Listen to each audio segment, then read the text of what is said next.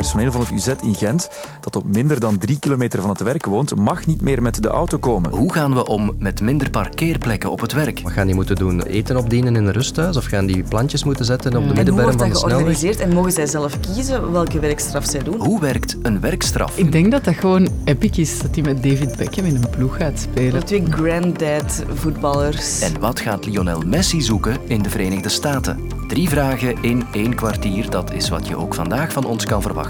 Ik ben Lode welkom.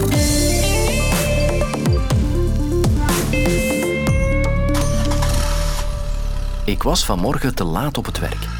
Ik kwam met de auto en tijdens mijn rit schoof de verwachte aankomsttijd steeds weer een paar minuten op. Heel erg frustrerend. En bovendien stond ik ook nog eens op parking Oost.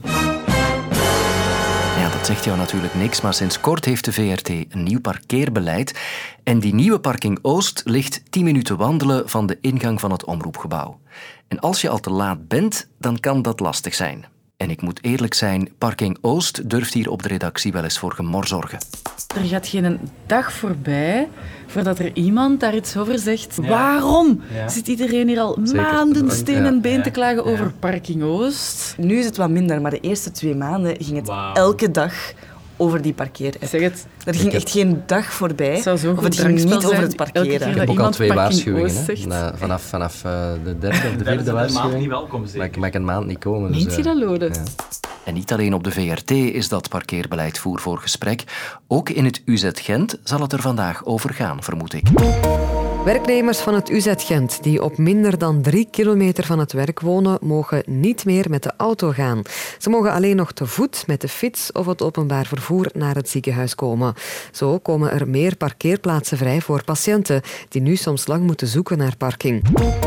De reacties van de medewerkers van het ziekenhuis waren verdeeld. Ik denk dat het een goede zaak is dat mensen die nog dichterbij wonen, dat die eigenlijk met fiets komen. Aangezien dat hier eigenlijk sowieso al altijd een probleem is om te parkeren. beetje dubbel. Met slecht weer of dat je soms nog je kinderen moet gaan halen of dat je boodschappen nog moet doen. Die combinatie van ik vind dat je vrij moet zijn om daar te kunnen in beslissen. Er gaan gewoon een paar verplichtingen moeten komen. Ook al is het niet zo leuk voor sommige mensen, dan ja, het moet gewoon, want het is het moment. Ik mag voorlopig nog met waar, maar dat doe ik niet. Het is goed weer en eigenlijk woon ik niet veraf. De VRT en het UZ Gent zijn geen uitzonderingen. Steeds meer bedrijven hebben steeds minder parkeerplekken. Heel veel bedrijven zetten in op een meer duurzame verplaatsingen voor hun werknemers. Er is ook het kostenaspect natuurlijk. Bijvoorbeeld het bouwen van een parkeerplaats kost al gauw 20.000 euro. Ja, vaak kunnen bedrijven hun investeringsgeld eh, nuttiger gebruiken. Je hoort Dirk Lauwers. Ik stel me meestal voor als een iets oudere mobiliteitsexpert, maar dat moet misschien niet zo gezegd worden. dus ik zal opnieuw beginnen. Ik ben mobiliteitsexpert eh, die al eh, 40 jaar actief is eigenlijk rond mobiliteit. Zowel als eh, consultant als eh, sinds het jaar 2000 verbonden aan de universiteiten van Antwerpen en, en Gent als gastprofessor. En hij legt uit waarom die transitie naar steeds minder parkeerplekken niet voor iedereen evident is. De grote moeilijkheid is natuurlijk enerzijds dat mensen heel gewoon geworden zijn om met de auto te rijden. En zeker naar het werk, ongeveer twee derde van de pendel is toch nog altijd met de auto in Vlaanderen. Langs de ene kant, langs de andere kant dat ook de, laten we zeggen, de infrastructuur voor de alternatieven of de diensten eh, er niet altijd zijn. Dus er zijn niet overal veilige fietspaden. Ja, het openbaar vervoeraanbod in Vlaanderen is de laatste tien jaar erg achteruit gegaan. Er zijn ook niet altijd alternatieven aanwezig in het algemeen. En dan in het bijzonder eh, zit het vaak in het dagelijks leefpatroon van veel mensen dat ze wat men noemt ketenmobiliteit doen. Dat men op weg naar het werk misschien ook de kinderen naar, naar school brengt of naar de crèche brengt. Dat men misschien gaat winkelen. En ja, om dat te gaan veranderen, dit soort ketenmobiliteit, ja, dan moet je echt wel ja, misschien anders gaan organiseren. En dat is niet altijd even vanzelfsprekend. Maar bedrijven kunnen wel een paar dingen doen om dat gebrek aan parkeerplekken op te vangen. Meestal onderscheidt men twee soorten maatregelen, de stok en de wortel. Wat de wortel betreft zetten bedrijven vooral toch in op meer fietsgebruik. Dus stimuleren van openbaar vervoer en collectief vervoer gebeurt minder. Maar men zet toch vooral in meer en meer op het stimuleren van fietsgebruik. Ja, en dat zijn dan misschien voor de hand liggende zaken als eh, veilige fietsstallingen voorzien, maar ook eh, douches en dergelijke omkleedruimte, zodanig dat men na het fietsen comfortabel aan het werk kan. Anderzijds zijn er dus ook bedrijven die toch eh, het eh, gratis ter beschikking stellen van parkeerplaatsen voor werknemers ja, die daar niet aan, houden. En ofwel een bepaalde vergoeding daarvoor gaan vragen, ofwel, uh, zoals in het geval van het Universitair Ziekenhuis van Gent nu, dus een doelgroepenbeleid gaan voeren. En ja, die werknemers die het gemakkelijkst uh, op een alternatieve manier, op een andere manier dan met de auto kunnen komen, om die het gebruik van gratis parking op het bedrijfsterrein niet meer gaan voorzien.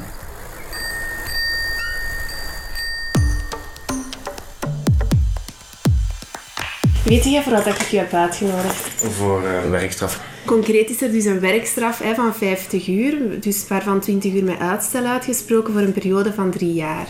Belangrijk om te weten is van, stel, jij zegt van, ik wil die werkstraf niet doen, of ze mislukt achteraf, dan moet je weten, dan staat daar een vervangende uh, geldboete bij u tegenover. Het afgelopen jaar werd in Vlaanderen voor 338.000 uren werkstraf opgelegd, gemiddeld 87 uur per veroordeelde. De werkstraf is 20 jaar geleden ingevoerd als alternatief voor de gevangenis.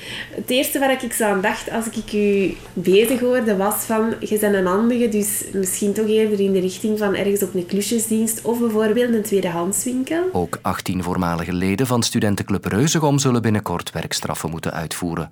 De rechter oordeelde dat ze schuldig zijn aan de dood van de student Sanda Dia in 2018 tijdens een extreem doopritueel. Het Hof zegt het is een tragisch ongeval en er is geen opzet of kwaad opzet mee gemoeid geweest. Het arrest ontketende een hevig debat over de vraag of een werkstraf niet te licht was gezien de feiten.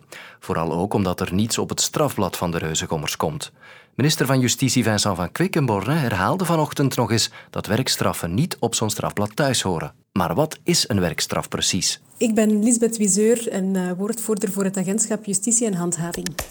Een werkstraf is eigenlijk het uh, verrichten van arbeid, onbetaald uiteraard, uh, door de werkgestrafte. En die doet dat in zijn vrije tijd die hij heeft. Hè. Dus naast school- of, of beroepsactiviteiten, die doet dat in zijn vrije tijd.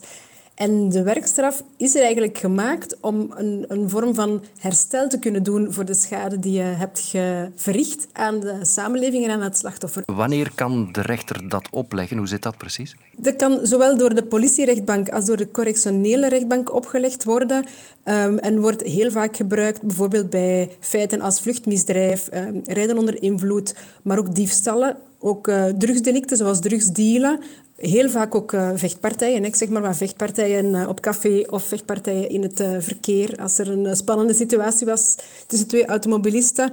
Dat soort um, feiten worden wel vaker veroordeeld met een werkstraf, ja. Als de rechter beslist heeft het is een werkstraf, hoe gaat het dan verder? De, de justitiehuizen staan in voor het, voor het uitvoeren en zullen ermee voor zorgen dat die werkstraf kan worden uitgevoerd.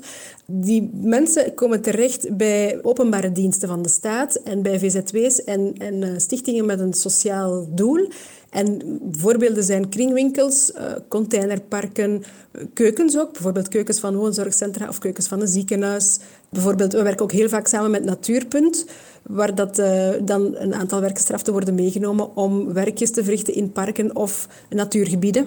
In de andere plaatsen waar dat we werken met wat dat wij noemen de vrijwillige plaatsen, kan een werkgestrafte bijvoorbeeld meelopen met iemand van een groendienst of iemand van een technische dienst om daar te helpen. En er is wel wat flexibiliteit wat tijdsindeling betreft. Het is niet dat je je dagjob moet laten vallen om dan die werkstraf meteen gaan uit te voeren, bijvoorbeeld. Nee, nee. Dat zou ook ingaan tegen uh, het idee van reïntegratie. Het is belangrijk dat mensen hun job behouden, uiteraard. Wat dan wel kan, is dat er gevraagd wordt om bijvoorbeeld een deel van uw uh, verlof in, om te zetten naar werkstrafdagen. Om je werkstraf af te ronden. Want de werkstraf moet afgerond worden binnen het jaar na de uitspraak. Wat gebeurt er als je weigert of er je laars aan lapt?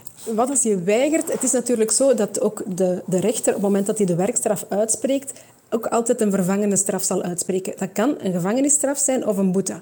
Dus als iemand weigert om zijn werkstraf te doen, dan um, wordt het uiteraard rechtstreeks direct gemeld aan de probatiecommissie. En dan zal um, door het Openbaar Ministerie de vervangende straf in uitvoering gebracht worden. Van zodra iemand bijvoorbeeld uh, niet komt opdagen op zijn werkstraf, of ik zeg maar wat dronken aankomt op zijn, uh, op zijn arbeidsplaats, of um, negatief gedrag vertoont, dan wordt dat onmiddellijk gemeld uiteraard aan de justitieassistent door de werkstrafplaats. Wij hanteren het systeem van twee kansen. En, en uh, van zodra dat we merken van dit loopt niet, wordt het dossier en wordt er een meldingsverslag gemaakt naar de probatiecommissie, die dan het dossier zal bekijken en beslist om het eventueel terug te sturen naar de, naar de rechtbank uh, ter uitvoering van de vervangende straf. Zijn er vaak problemen? Ja, de werkstraf kent een uh, hoog uh, slaagpercentage. Wij zien dat 75 tot 80 procent van onze werkstraffen dat die goed uh, wordt afgerond. Dus dat is um, zeker een, een hoog slaagpercentage, ja. Lionel Messi is coming to town. The Argentine World Cup winner, who is now widely regarded as the greatest football player of all time. Argentina campeón del mundo!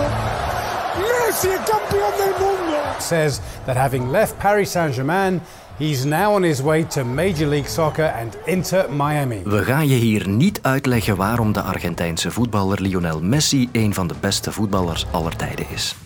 Ik wil je wel vertellen waarom hij naar de Verenigde Staten trekt aan het einde van zijn carrière.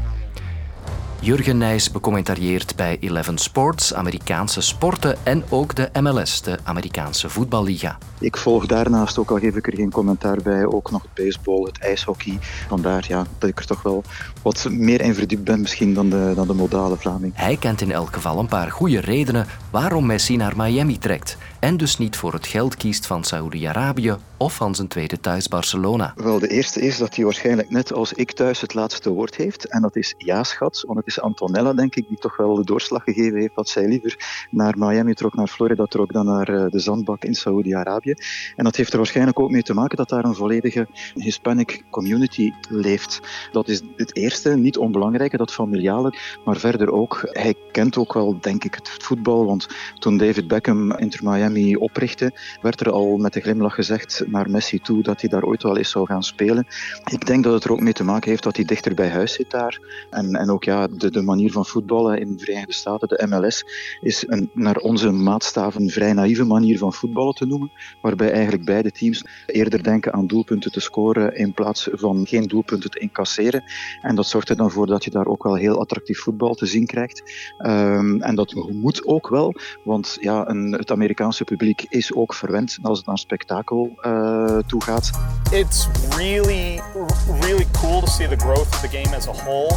To just how each new supporters group builds on top of what they've seen other supporters groups. We're not trying to imitate Europe. Het, het gewone voetbal is daar nog steeds groeiende, maar het publiek dat is er wel, omdat je daar ook weer zit met die hoofdsteden waar ja, eigenlijk uh, de hele wereld uh, in een meltingpot samen zit. Dat zorgt er dan voor dat dat publiek eigenlijk wel kenners zijn. Dus je mag ook niet zomaar denken van het zal wel makkelijk lopen. Messi zal zich dus nog niet meteen vervelen. Bovendien komt hij terecht in een land waar sport centraal staat in het leven. Ze beginnen in high school, waar dan sommige namiddagen vrijgemaakt worden om dan te sporten. Je hebt ook de verschillende seizoenen. Die kunnen eigenlijk in de winter één sport spelen. Dan in het voorjaar kunnen ze dan naar een andere sport overstappen. En zo kunnen ze eigenlijk het hele jaar door aan andere sporten doen, waardoor hun talenten kunnen ontwikkelen, kunnen doorgroeien. Want dan, eens ze dan high school uitkomen, dan is er de mogelijkheid dat ze een beurs krijgen voor aan een universiteit te gaan studeren. Maar wordt alles voor hen betaald omdat ze goed zijn in hun sport. Eens ze afgestudeerd zijn en ze behoren nog altijd tot de top van de piramide, dan kunnen ze prof worden. En dat is eigenlijk waar iedere jongeling, waar die eigenlijk van dromen. Sport doet dromen in de VS.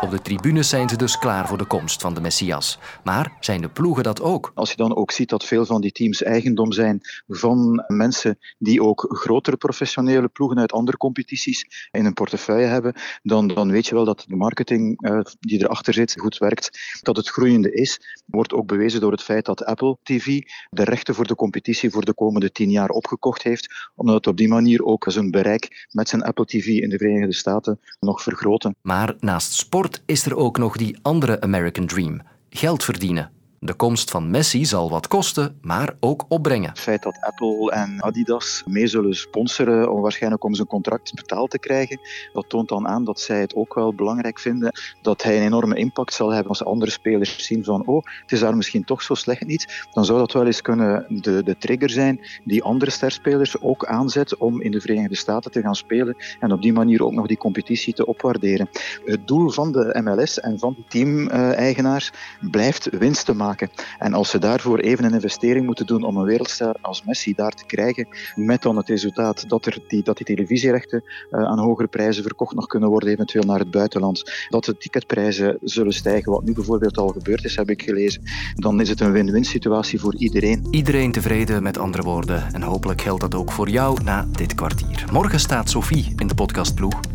De strafste, meest onbekende of net opvallende verhalen uit een onuitputtelijke belpopgeschiedenis. Die ontdek je met kenner Jan Delvaux in de podcast De Dikke Delvaux. Nu in de app van VRT Max.